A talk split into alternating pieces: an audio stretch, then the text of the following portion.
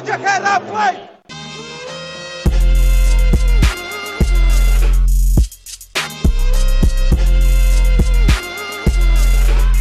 Jojo, živijo, lep pozdrav vsem. Jaz sem Matej. V drugem, daljšem delu tokratnega podcasta sva z Markom imela eno zanimivo debato o kritikah, ki v zadnjih tednih letijo na Luko Dončiča in zaradi katerih je lastnik Dallas Mavericksov enemu od, če ne celo najbolj renomiranemu NBA novinarju dejal tole.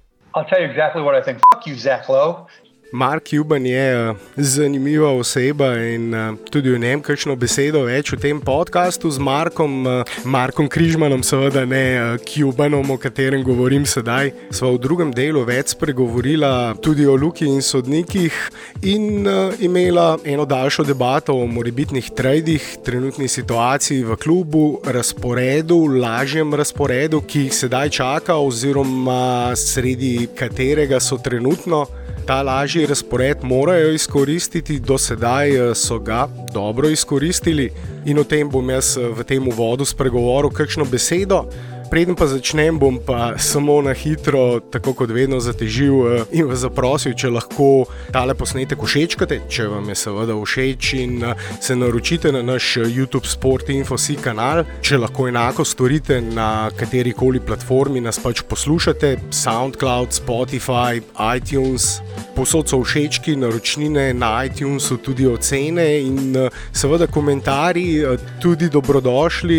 V zadnjem času ste na vseh teh platformah pustili ogromno zanimivih, pronicljivih komentarjev, zanimivih razmišljanj in se veselimo nadaljnih debat z vami. Tudi predlogov za teme, ki jih lahko obdelamo v naslednjih podcastih, smo veseli in ste jih nekaj že podali. Tako da hvala, zdaj pa, da ne bom zgubljal časa, gremo kar na zadnji dve tekmi Luke. Z Markom sva to debato iz drugega dela posnela na večer, ko je Luka odigral tekmo proti Treju Youngu in Atlanta Hawksom. Potem je včeraj odigral še tekmo proti Zionu Williamsonu in New Orleans Pelicanom. Torej, Luka proti dvema mladima rivaloma, mladima zvezdnikoma, ki bosta verjetno skupaj z Luko in še dvema, tremi morda štirimi mladimi igralci, če govorimo recimo o igralcih pod 25-24 let, v naslednjih 10, 15, morda pa celo 20 letih krojili dogajanje v Ligi NBA in uh, imeli zanimive dvoboje, ne samo v rednem delu sezone, ampak povsem verjetno, seveda tudi v playoffih in morda kdaj tudi v kakšnem finalu. Trej in Zion sta pokazala ja, celoten repertoar svojega talenta, vse tiste glavne prednosti, ki krasijo njuno igro. Zion je bil posebno nezaustavljiv iz neposredne bližine obroča, Trej je pa cepal trojke iz 10-11 metrov. To, da na obeh tekmah je bil Luka boljši, na obeh tekmah je Luka ne samo nadigral svoje rivala, ampak na koncu tudi skupaj z Mavriksi upisal dve pomembni zmagi. Proti Atlanti Luka 28 točk, 10 skokov, 10 podaj, nov trojni dvojček, že sedmi trojni dvojček v tej sezoni. To sezono ima največ trojnih dvojčkov, na drugem mestu sta Russell Westbrook in letos izjemni Nikola Jokič, eden izmed dveh, treh glavnih MVP kandidatov v tem trenutku. In s tem trojnim dvojčkom se je Luka pospel tudi na 13. mesto večne lestvice igralcev z največ trojnimi dvojčki v zgodovini lige NBA in na tem 13. mestu prehitev legendarnega Johna Havličeka, legendo Celticsov. To je bil že 32 trojni dvojček Luke v karieri. V zadnjih dveh tednih je prehitev tudi večnega, največjega Michaela Jordana na tej lestvici trojnih dvojčkov, da se razumemo, povsod druge v vseh ostalih, ne samo v statističnih kategorijah, ampak tudi v tisti najpomembnejši, ki kaže število zmag, ima Luka seveda še ogromno dela, da se bo lahko primerjal z največjim vseh časov, ampak. V trojnih dvojčkih ga je pa ja, že prehitev. Luka je res eden od najbolj raznovrstnih igralcev v zgodovini lige. To pa lahko že pri 21. trdimo za Luko, ki je na to po tej tekmi proti Atlanti, proti Zionu in Pelikanom odigral še boljšo tekmo, 46 točk, 12 podaj, 8 skokov, zadev je 17 od 30 metrov iz igre, torej skoraj 57 odstoten met, eh, skoraj 63 odstoten za 3, 5 eh, od 8 trojke zadev, 7-9 eh, prosti meti, ena ukradena, tudi eno blokado je imel. 12 podaj sem omenil, samo 3 izgubljene žoge ob 12 podajah je tudi zelo dobro razmerje med podajami in izgubljenimi žogami. Skratka, predstava za desetko, izjemna predstava. In eh, četrta zaporedna zmaga Mavericksov, ki so na zadnjih šestih tekmah zmagali petkrat. To je eh, preprosto tisto, kar sedaj morajo narediti. Eh, Noco igra Luka proti Damienu Lillardu, Lillardu, s katerim se Luka bori tudi za mesto tistega drugega branilca v prvi peterki Zahoda prednosti v glasovih nima velike, Step Curry ima že eh, zagotovljeno eno od dveh mest, ima toliko prednosti eh, v glasovih pred Luko, da bo zagotovo eden od dveh branilcev, ki bosta izbrana v prvo peterko Zahoda.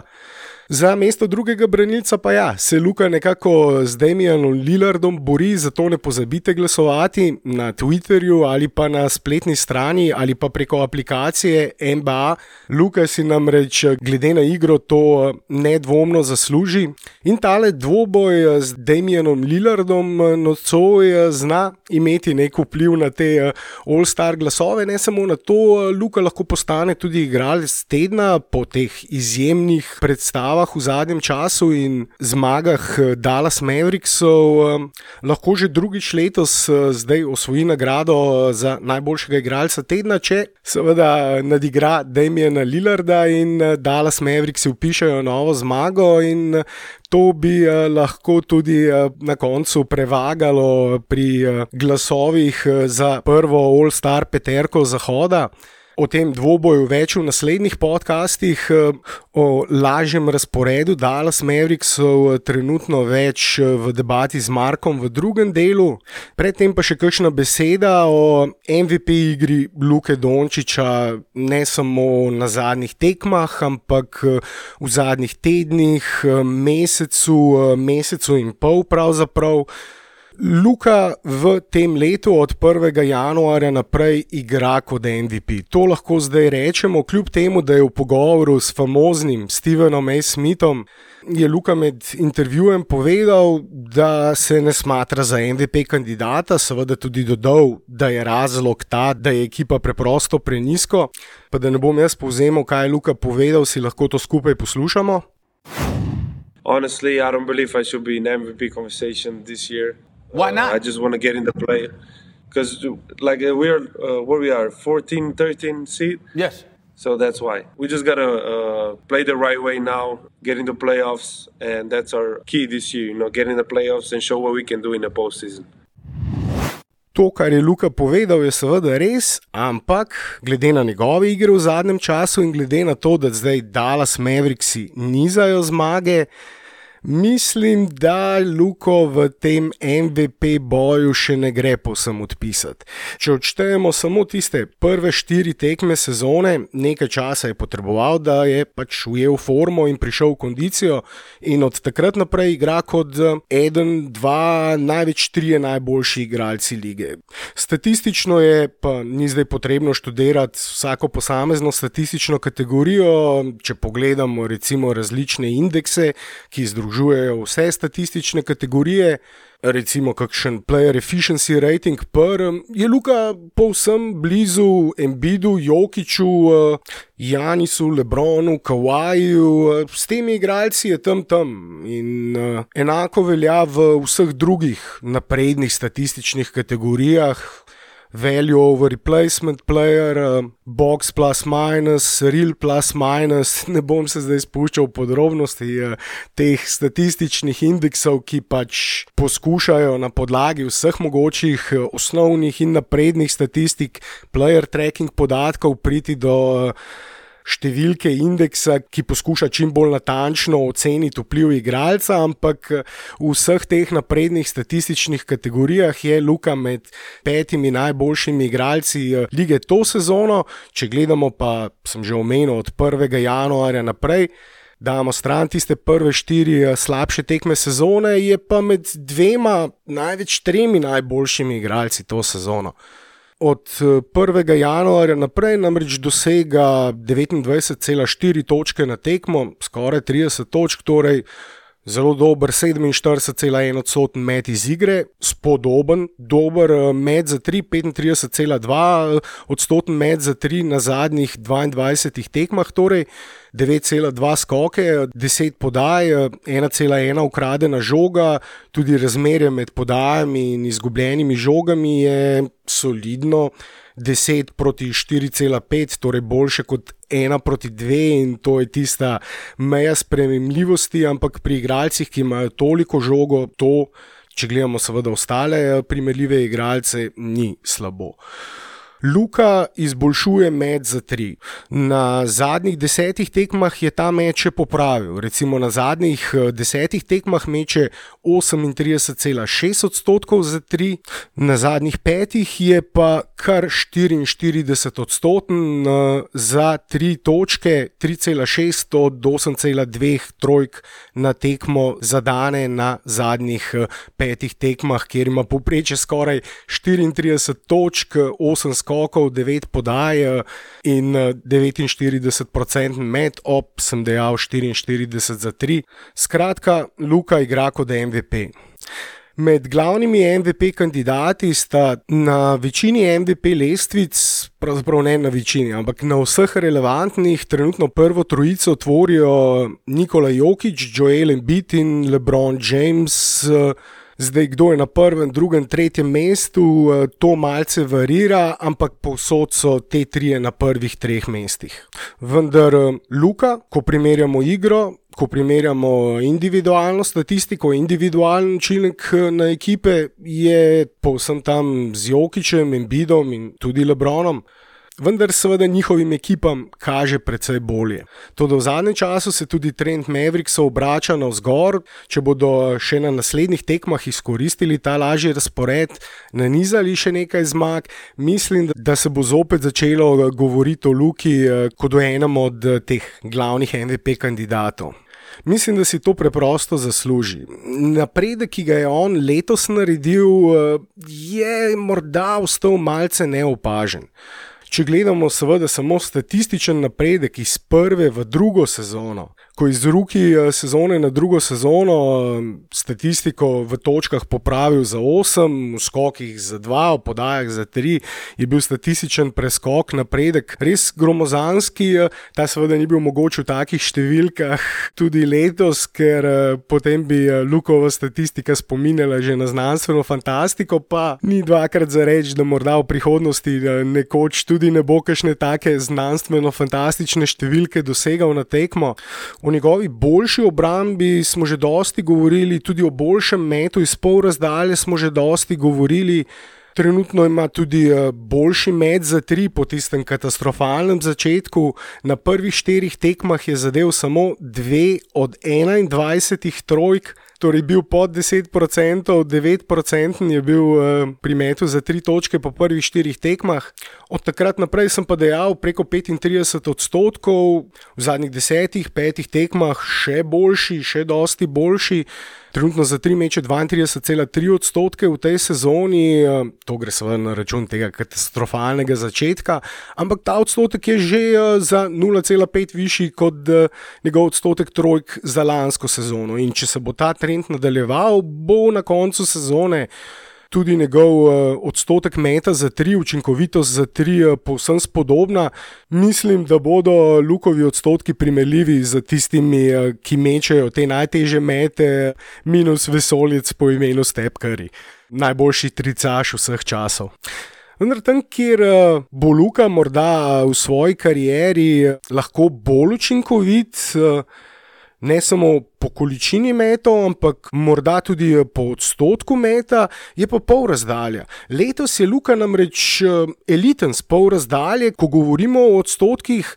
Že eh, po kakšnem tednu, dveh, treh smo govorili in pisali o njegovem metu z pol razdalje, kako eh, to področje, ki ga lani skoraj da nič ni uporabljal, vse je zaključeval eh, samo iz neposredne bližine obroča ali pa izza črte za tri točke. Letos res velik del svojih metov in tudi zelo učinkovito meče s pol razdalje, in ti odstotki so primerljivi s kakšnim Kawajem Leonardom, ki seveda živi na pol razdalje. On je eden izmed teh redkih igralcev, ki sedaj še mečejo s pol razdalje in so pri tem tudi izjemno učinkoviti. In mislim, da to ni uh, samo neka načrtna odločitev Dončiča že pred samo sezono, zdaj bom pa jaz metu več iz pol razdalje. Mislim, da bi lahko že lansko sezono več uporabljal ta prostor, uh, ampak letos so se obrambe še bolj intenzivno prilagodile samo dvema stvarema. Ali podvajamo Dončiča na zonalnih položajih, trepamo v pick and roll, hedžamo pick and roll, vse mogoče oblike podvajanja, tudi blicajo z večjimi igralci ob izteku napadov na zunanjem položaju Dončiča, če je to potrebno ali pa zgostimo obrambo pod obročem. Pripravili so se na tisti dve področji, kjer je bil lani Dončić najbolj nevaren. Trojke in neposredna bližina obroča, kjer je bil, tem smo že lani dosti govorili, tako učinkovit kot Anthony Davis in Janis Antetokounmpo. Dva igralca, ki sta dosegala največ točk izpod neposredne bližine obroča, sta bila le za 0,1 odstotek bolj učinkovita iz neposredne bližine kot Luka. In zaradi te zgoščene obrambe, obramb, ki so pripravljene na njegovo igro v pick and rollu, na njegove prodore. Skoncentrirajo obrambo na, na zunanjih položajih in pod obročem, in kaj seveda pušča tukaj prosto, kje ima Luka potem več prostora na pol razdalji. Če lani morda na tekmi z izjemo kakšnih floaterjev, enkrat ali pa vsakih par tekem, enkrat vrgu s pol razdalje, zdaj vsako tekmo meče dosti metov s pol razdalje.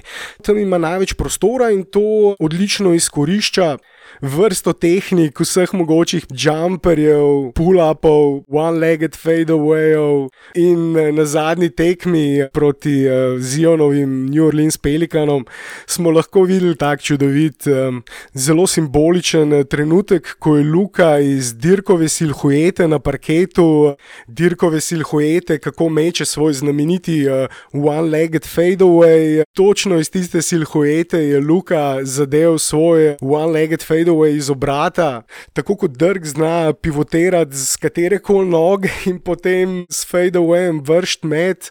In točno iz tega loga je zadev na tak način, da je izgledala drkova silhueta kot senca luke, ki meče ta met. In, uh, ja, res tak simboličen moment, ki je za navijače Mavericksov predstavljal njihovo zgodovino in prihodnost v eni podobi.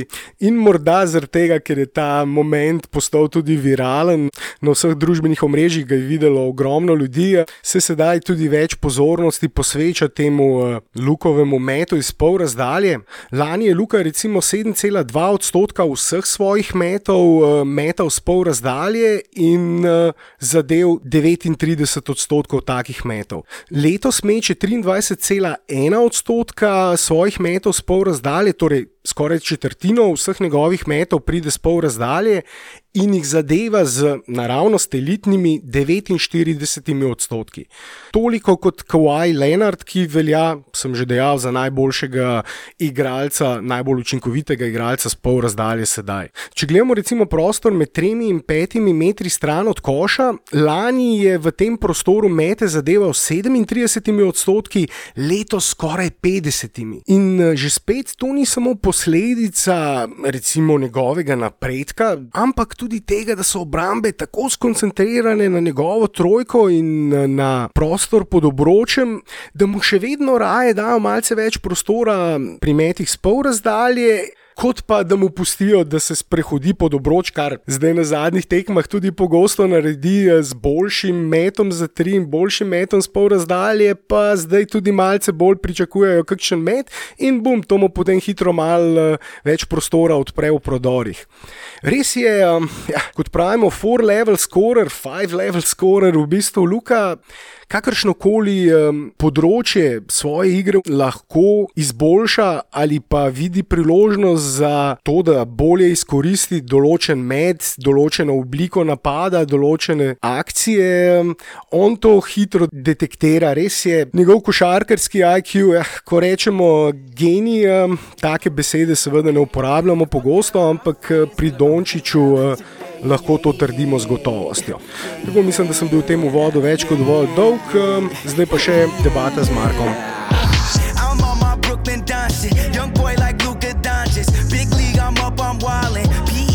Jo, jo, Marko, živijo, lepo zdrav, cele, kako si, kako gre?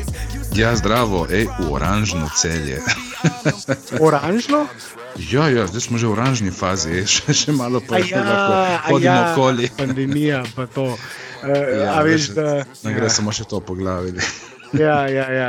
Sorry, veš, da, ja. Jaz sem že eh, pri najnih topikah za podcast in uh, ponovadi, ko dajemo barve zraven, razmišljam o uh, zelena Ljubljana, vijolični Maribor in sem pol pomislil, oranžno celje. Ja, veš, ja, veš ti, ti nimaš otrok, ne, s katerimi moraš biti doma, pa jih uh, šunta, da se učijo vsakih 15 minut, ker odplavajo na YouTube, odplavajo ja. ne vem kam. Verjamem, ja, ja, morajo biti stalno, se svet zlago. Ja. Moraš biti v šoli praktično z njimi jih čuvati. Ampak da, ja. da ne bo izgubljala časa, ker danes so rekli, da bomo malo krajši podcast posnela. Na hitro malce spregovorila o zadnjih dogodkih v Dallasu, morda podala kakšen trade eh, predlog, oziroma spregovorila o možnostih Dallasa, da izpelje kakšen trade še pred koncem sezone, oziroma do konca eh, trade deadline. Rekla so, da bo rekla kakšno tudi v tem strašno negativnem narativu, ki se zdaj ustvarja okoli Luke, eh, na drugi strani Atlantika, v mainstream medijih in tudi družbenih medijih na spletu. Res zadnjič sem rekel, da gliste prilezajo iz zemlje, ko dežuje, in ker Mavriksom ne gre po pričakovanjih so zdaj res iz zemlje prilezle vse tiste gliste, ki so Dončiča na veliko kritizirale pred Raftom, tudi eh, v ruki sezoni eh, še vse mogoče neumnosti pisale in govorile, eh, že spet v mainstream medijih in na družbenih medijih. Lani, seveda, niso mogli nič reči, absolutno nič, ker je Luka naredil tisti superstar jump, preskok med tistih 4, 5, 6 najboljših igralcev lige, bil tudi uvrščen v najboljšo peterko lige in s tem to uradno potrdil. Tako da lani so bili um, zelo tiho, zdaj, ko je pa prišla ta serija slabših tekem. Uh, Težave Mavericksov, težave, za katere v veliki meri ali pa sploh ni uh, Luka kriv, so pa seveda na veliko udarili po Luki in uh, res uh, pljuvajo tako, da dežuje, ker je to seveda tisto, kar najbolje počnejo. Ampak zdaj sem že začel eh, z rentom. Če se jaz zarentam, se veš, Marko, me moraš ustaviti, da ne bo predolga. Ja, te bom ustavil. Le. Jaz bi iz tistega tvojega renta izpostavil predvsem ta prečakovanja. Tisti, ki že dlje časa spremljamo NBA, pa primerjamo prečakovanja, ki so jih imeli. Recimo novinarji, pa širša javnost, ki spremlja NBA, z na koncu dejanskim rezultatom ekipe, vidimo, koliko vplivajo visoke pričakovanja na kritiko pri ekipi, ki teh pričakovanj ne izpolne. Se spomniš, recimo, Lebrona, le vemo, da je bil prvikrat v karieri malo več časa poškodovan. Ampak to take kritike, ker ni prišel v play-offe z ekipo, ki realno rečeno, mogoče niti ni bila za play-off brez njega. To so bile take kritike, pa, pa ni šans, da postane GOT, ne vem kaj, dobro, da zdaj ne bomo na dolgo.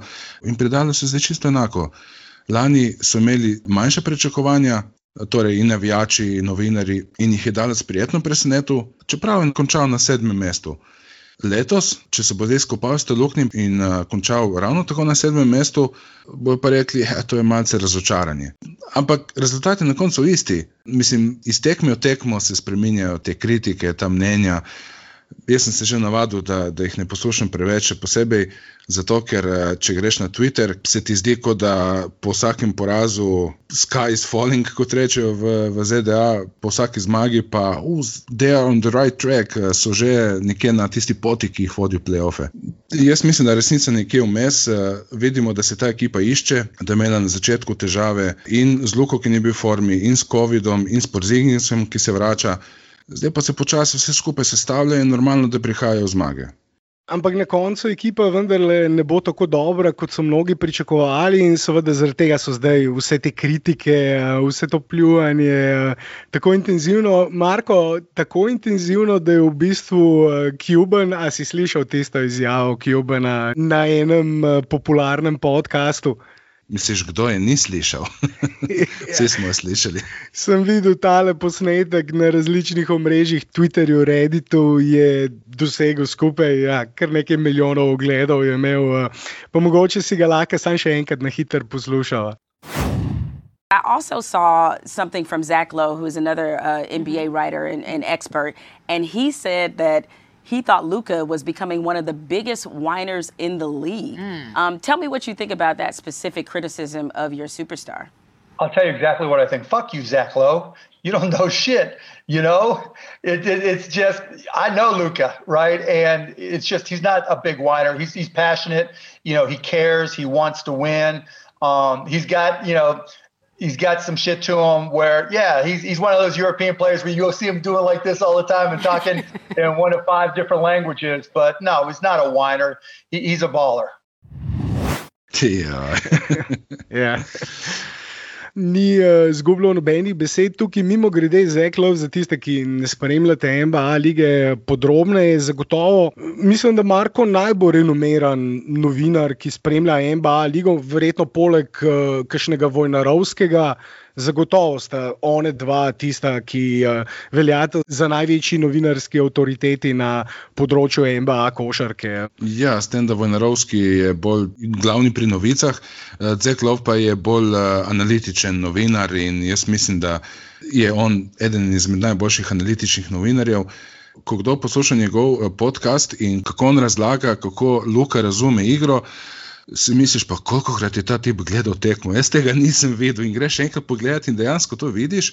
In uh, zaradi teh stvari, ker je, ko reko, tudi zmeren v teh močnih mnenjih, se mi zdi res čudno, da je izjavil nekaj takšnega, reakcija, jo pa me ne preseneča. Eh, zdaj omenjaš, da bodo poslušalci vedeli, o čem govoriš. Eh, tisto, kar so v tem posnetku vprašali Kubana, njegovo reakcijo na mnenje Zeka Lova, da je Luka postal eden od največjih winerjev, jamrovcev, če tako prevedemo v Ligi NBA, kar je za me malce sporno. Zdaj, a je Luka emocionalen igralec, ki uh, ogromno gestikulira, kaže svoje nezadovoljstvo ali pa zadovoljstvo na parketu?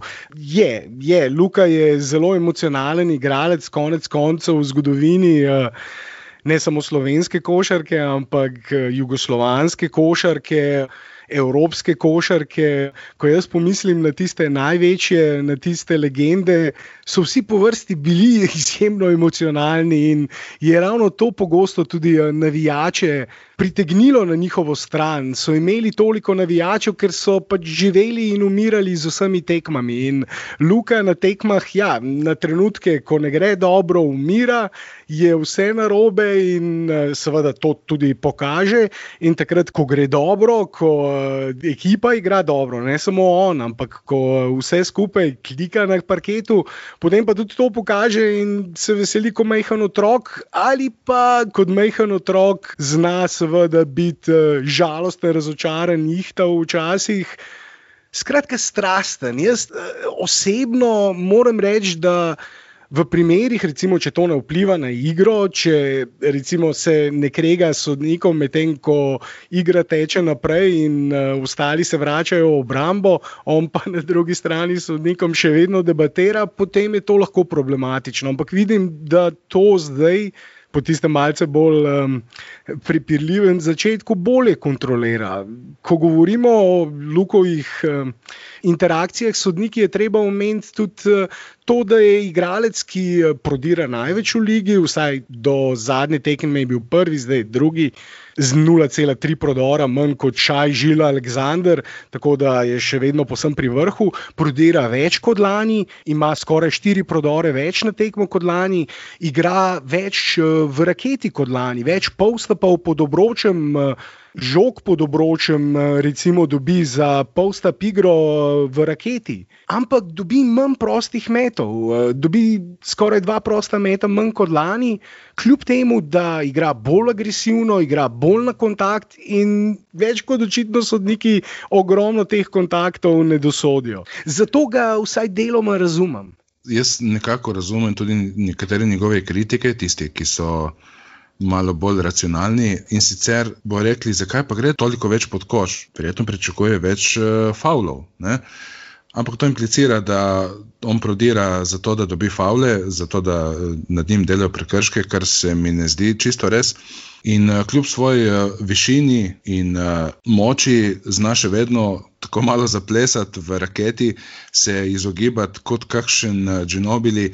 Nasprotnikom, in uh, je normalno potem, da drugače kot z prekrškom se ga ne da ustaviti. Ja, igralec, ki toliko prodira, ki toliko igra na kontakt, eh, toliko igra pod obročem in je ob enem tudi tako tehnično podkovan, eh, bi po mojem v taki ligi, kot je sedaj, kjer imajo napadalni igralci napram obrambnim res prednost, mogel dobiti več kot 8 prostih metov na tekmo, kot jih dobi sedaj. Če jih Trejang dobi skoraj 11, 10,5 proste mete na tekmo, bi eh, Luka moral imeti 12-13 prostih metov. Ja, ampak tukaj spet pridemo do tiste debate med uh, visokimi, velikimi, močnimi igralci in med tistimi majhnimi.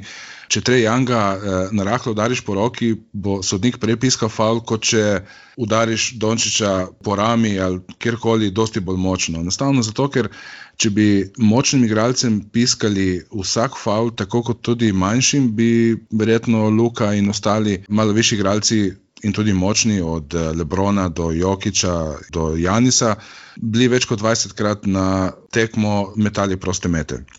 Ja, jaz bi se strinjal s tabo, če ne bi imel Joel in Beat še več prostih metov na tekmo 11,3 proste mete, Janis Antetokumpo tudi več, skoraj 10 prostih metov na tekmo 9,7. In Luka je na nek način kombinacija, pa ne me zdaj to preveč dobesedno vzeti, ampak samo v tem aspektu uh, izsiljevanja faulov, uh, če temu tako rečemo, kombinacija Janisa in Tetokumpa in Treja Janga. Luka je na eni strani uh, močan igralec, izjemno fizičen igralec, ki dosti igra pod obročem, na drugi strani je pa tudi bolj handler, ki dosti igra žogo na perimetru, vodi napad. Dallas in je seveda tehnično izjemno podkovan. Torej je v tem smislu igralec, ki bi moral imeti, po mojem mnenju, celo morda največ prostih metov na tekmo, glede na to, koliko ima žogo in koliko je napad Dalasa odvisen od njegove organizacije. On je praktično edini resni bolj handler, nevaren igralec, dokler Dalas ne dobi kakšnega Bradleya Bila.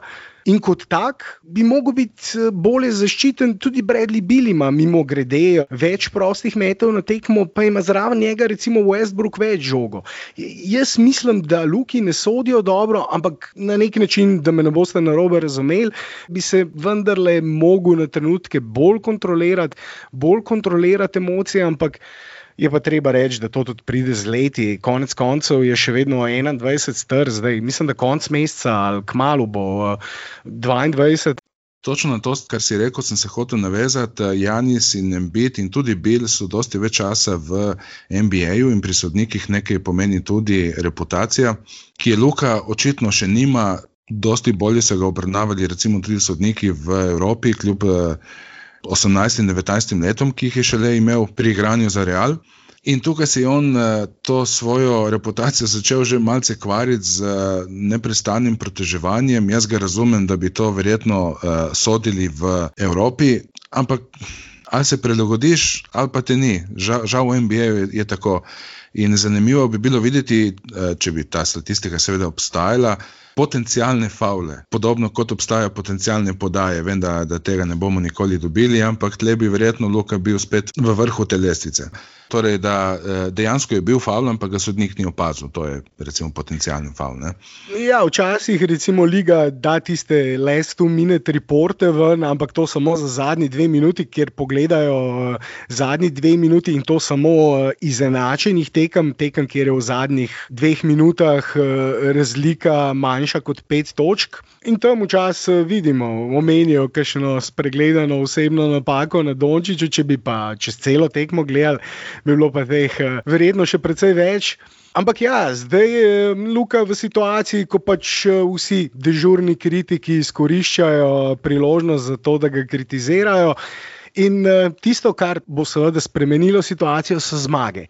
Dalas mora začeti zmagovati, Dalas mora začeti nizati zmage, drugače lahko Luka dvigne statistiko, predvsej dvigne statistiko, pa bodo še vedno ga kritizirali, kot recimo Kašem Perkins, ki zdaj po vsakem porazu Dalasa tvitne. Da Dončić ni igralec, ki dela razliko, in da on ni zmagovalni igralec, čeprav je lansko sezono zelo podobno ekipo, praktično isto ekipo popeljal v playoff, kljub temu, da pred sezono niso pričakovali, da bojo v playoff in bi morda prišli še kaj dlje, če se takrat Porzingis, ki je takrat res bil najboljši Porzingis, odkar je prišel v Dallas. Igral v najboljši formi, uh, ostal zdrav, se ne bi spet poškodoval, kar je pa tisti problem Porzingisa, seveda, ki se konstantno ponavlja in tudi zdaj kaže, morda počasi, zadnjih par tekem, da se dviguje, ampak Ali je to dovolj? Mislim, da v tem smo že dovolj povedali, da Porzingis verjetno ni tista primerna druga opcija za ekipo, ki se bori za naslov. Tam pa rabiš OLMBA igralca za celo sezono, rabiš top 20 igralca.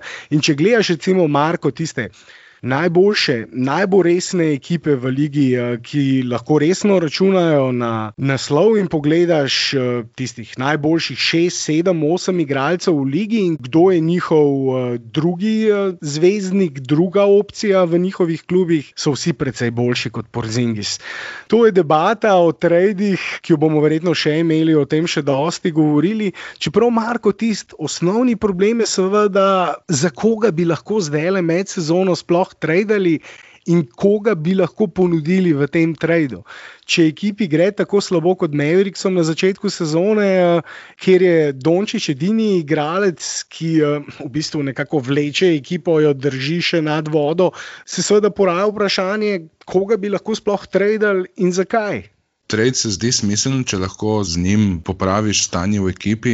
In v tem trenutku mislim, da samo en trade ne bi bil dovolj, razen če bi za Porzingi se dobil res ena, dva dobre igralca, kar pa v tem trenutku sploh ni realno kajti po Zingu so se zaradi slabih tekem oziroma slabih predstav znižala ta uh, vrednost, menjalna vrednost oziroma trade value, kot rečejo v NBA-ju. In enako tudi drugim, Luka je seveda nedotakljiv, uh, druge se da traditi, ampak čisto vsak igralec igra na malenko slabšem nivoju kot uh, lansko sezono ali pa kot v prejšnjih klubih.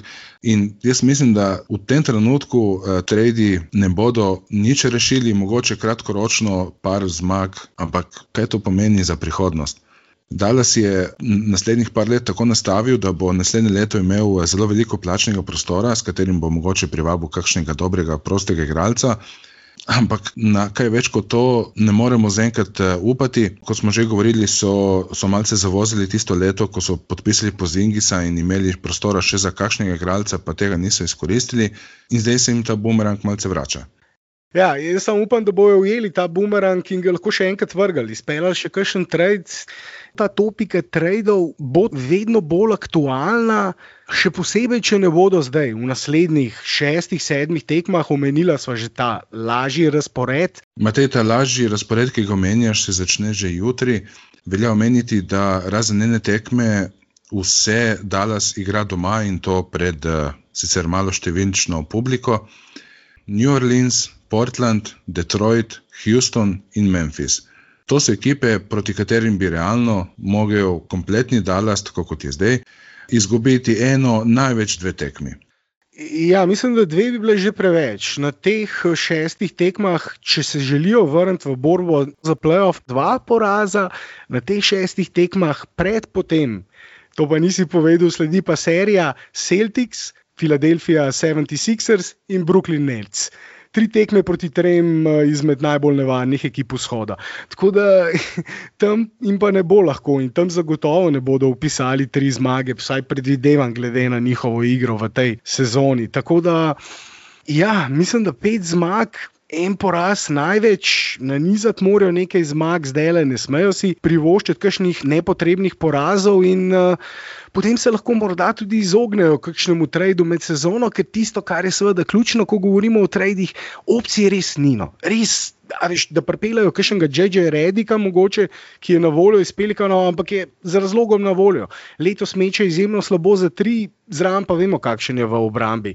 In recimo, da se mu popravi met in bi se mu verjetno zraven Dončiča, ki bi takemu ostrostrelcu dal tako odprte mete, ampak še vedno to ne reši uh, vseh problemov, oziroma problemov Dallasa. 36-37 letni Redik ne bo zdaj ekipe, ki ima toliko problemov v skoku tudi v obrambi, tudi pri metu, seveda, ampak ne bo vseh teh problemov rešil, bi morda kaj marginalno lahko popravil, ampak to velja za vse take možne trade, ki jih je zdaj možno izpeljati. Tem, da vprašanje, seveda, kaj bi želeli, eh, tudi pelikani za Redika. In eh, tukaj nima danes nič, nima pikov, nima pa tudi igralcev, razen seveda, če ne dajo Jelena Bransona, ki je pa poleg Dončiča edini mlad, recimo, prospekt, talent, ki bi lahko imel eh, vrednost v kažkem tradu, dovolj mlad je še dovolj dober to sezono, tam tretji, četrti, najboljši igralec, dala se bi lahko rekel rekel. In ima določeno vrednost, ampak ne boš zdaj Bransona, ki ga boš imel pod uh, dobro pogodbo še zelo dolgo časa, dal za redika na iztekajoči pogodbi, uh, ki lahko odide potem poleti in nimaš ne Bransona, ne redika, in to ti ne garantira playoffa. Tako da tukaj res ni um, kakšnih resnih možnosti, kakšnih resnih opcij, razen to, da se ekipa sestavi, postavi, uh, vsi pridejo nazaj v kondicijo in uh, začnejo zmagovati. Matej se strinjam, mislim, da zdaj res ne bi bilo primerno za ekipo, da trade v bistvu tisti igralci, ki imajo v tem trenutku največjo vrednost. Ta sezona mislim, da je bolj kot ne izgubljena, tudi če pridejo recimo na 8, 7 mesto jih v prvi rundi playoffa čakajo ali Clippersi ali Lakersi, s tako igro realno napredovanje iz prve runde ne moremo pričakovati. S tako postavo tudi. S tako postavo tudi. In ne prostanim drugega, kot da se skozi sezono čim bolj izboljšajo, najdejo neko svojo identiteto, ali so napadalna ekipa, ali so obrambna ekipa in potem štartajo na, na, na, na naslednjo sezono dejansko na tiste cilje, ki so jih imeli letos. Se pravi, na prostem trgu uh, najdejo tiste najboljše igralce, oziroma jim uspe pripeljati tiste najboljše igralce, ki bodo na voljo. O tem, kako so uspešni uh, oni bili med temi prestopnimi roki, smo že govorili. Uh, tudi o tem, da je verjetno tisto najboljše upanje za Mavrikse, da Porzingis preostanek sezone odigra na izjemno visokem nivoju in ga potem za enega bolj zanesljivega igralca trajdajo. Da bi recimo potem uspela ta sanska menjava Porzingi za Bradleya Bila, o kateri sanjajo navijači Dallasa, ampak je zdaj seveda v tej situaciji, ko je Bradley bil top 3 igralec, Porzingi pa zadnjič sem rekel, ni top 80, mislim, da je zdaj se že prebil nekje do top 50, ampak uh, more biti vsaj top 20, 25 igralec, uh, da lahko izpeleš menjavo za enega top 10, top 15, top 20 igralca, enega primerljivega igralca, seveda, ki je bolj zanesljiv. To je tisto ključno, ki ima več sreče z zdravjem, ki je po zemlji so res ni eh, prizaneslo in je seveda res, da to tudi del razlogov, zakaj. Eh, se da cikl pri njemu konstantno ponavlja in se na njega verjetno dolgoročno ne da računati. Tako da um, o konkretnih tradih eh, pa ne bo dala, recimo, kakšno dodatno težo tistemu tradu, ki ga je predlagal Šek še ki je rekel, da bi uh, Porzingi se morali trajati za Westbrooka. Mislim, da težko predlagaš slabši trade kot je to in uh, bi to še precej poslabšalo Mavericks, če bi uh, Porzingi se trajali za Westbrooka, ki je pa um, v zadnjih mesecih, morda letu uh, tistega svojega, pa ne bom rekel fizičnega prima, ker je že ven iz tega fizičnega prima, ampak. Uh, Westbrook ni več isti igralec, kot je bil. Medtem ko Porzingis pri 25-26 pa še lahko upamo, ampak. Tukaj je počena guma za počeno gumo, ki še slabše paše v ekipo. Tako da o takih šekovih eh, predlogih ne bomo debatirali, bomo pa kakšne morda bolj realne predloge podali, kot je ta za J.J. Redika, kakšnega PJ Tuckerja. Matej, jaz pa mislim, da zna biti kar realna ta zadeva, ko je Šak ne povedal. In ti bom tudi povedal, zakaj. Če bo Wizardi tradili bila, to pomeni, da želijo iti v rebuild in se bojo hoteli znebiti tudi Westbrooka. In mislim, da bo Westbrook cena za bila. In glede na to, da ima Dallas precej plačnega prostora, zna absorbirati to njegovo pogodbo in si reči, eh, bomo počakali še to sezono dve, dokler Westbrooku ne odide pogodba, pol pa gremo naprej. No, ja, ja. Westbrook, Bill in Dončić eh, v tradu, kjer bi Porzingis in tudi drugi igralci, in verjetno Piki, če bi jim uspel dobiti, ker nimajo namreč nobenih svojih, potovali v Washington. In potem, oh, oh, mislim, se je samo ena žoga, Marko, zato ne bi bilo dovolj pet žog. to so rekli, to so rekli tudi za Brooklyn Nets, pa vidiš, da zaenkrat jim uspeva.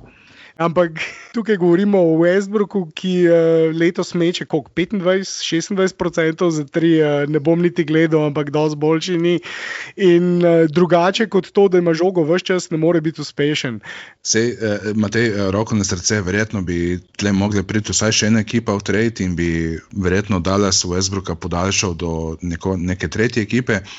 Ampak hočem samo reči, da kljub temu, da se je še verjetno šalil ali pa mogoče trolal, ne, Ja, ne, Znam... hej, je Dončiča. To mislim, okay. da je bil samo še dodaten hejt na Dončiča, ki ga v zadnjem času zlivajo podobni kot je Šek in o teh sem ja. že govoril.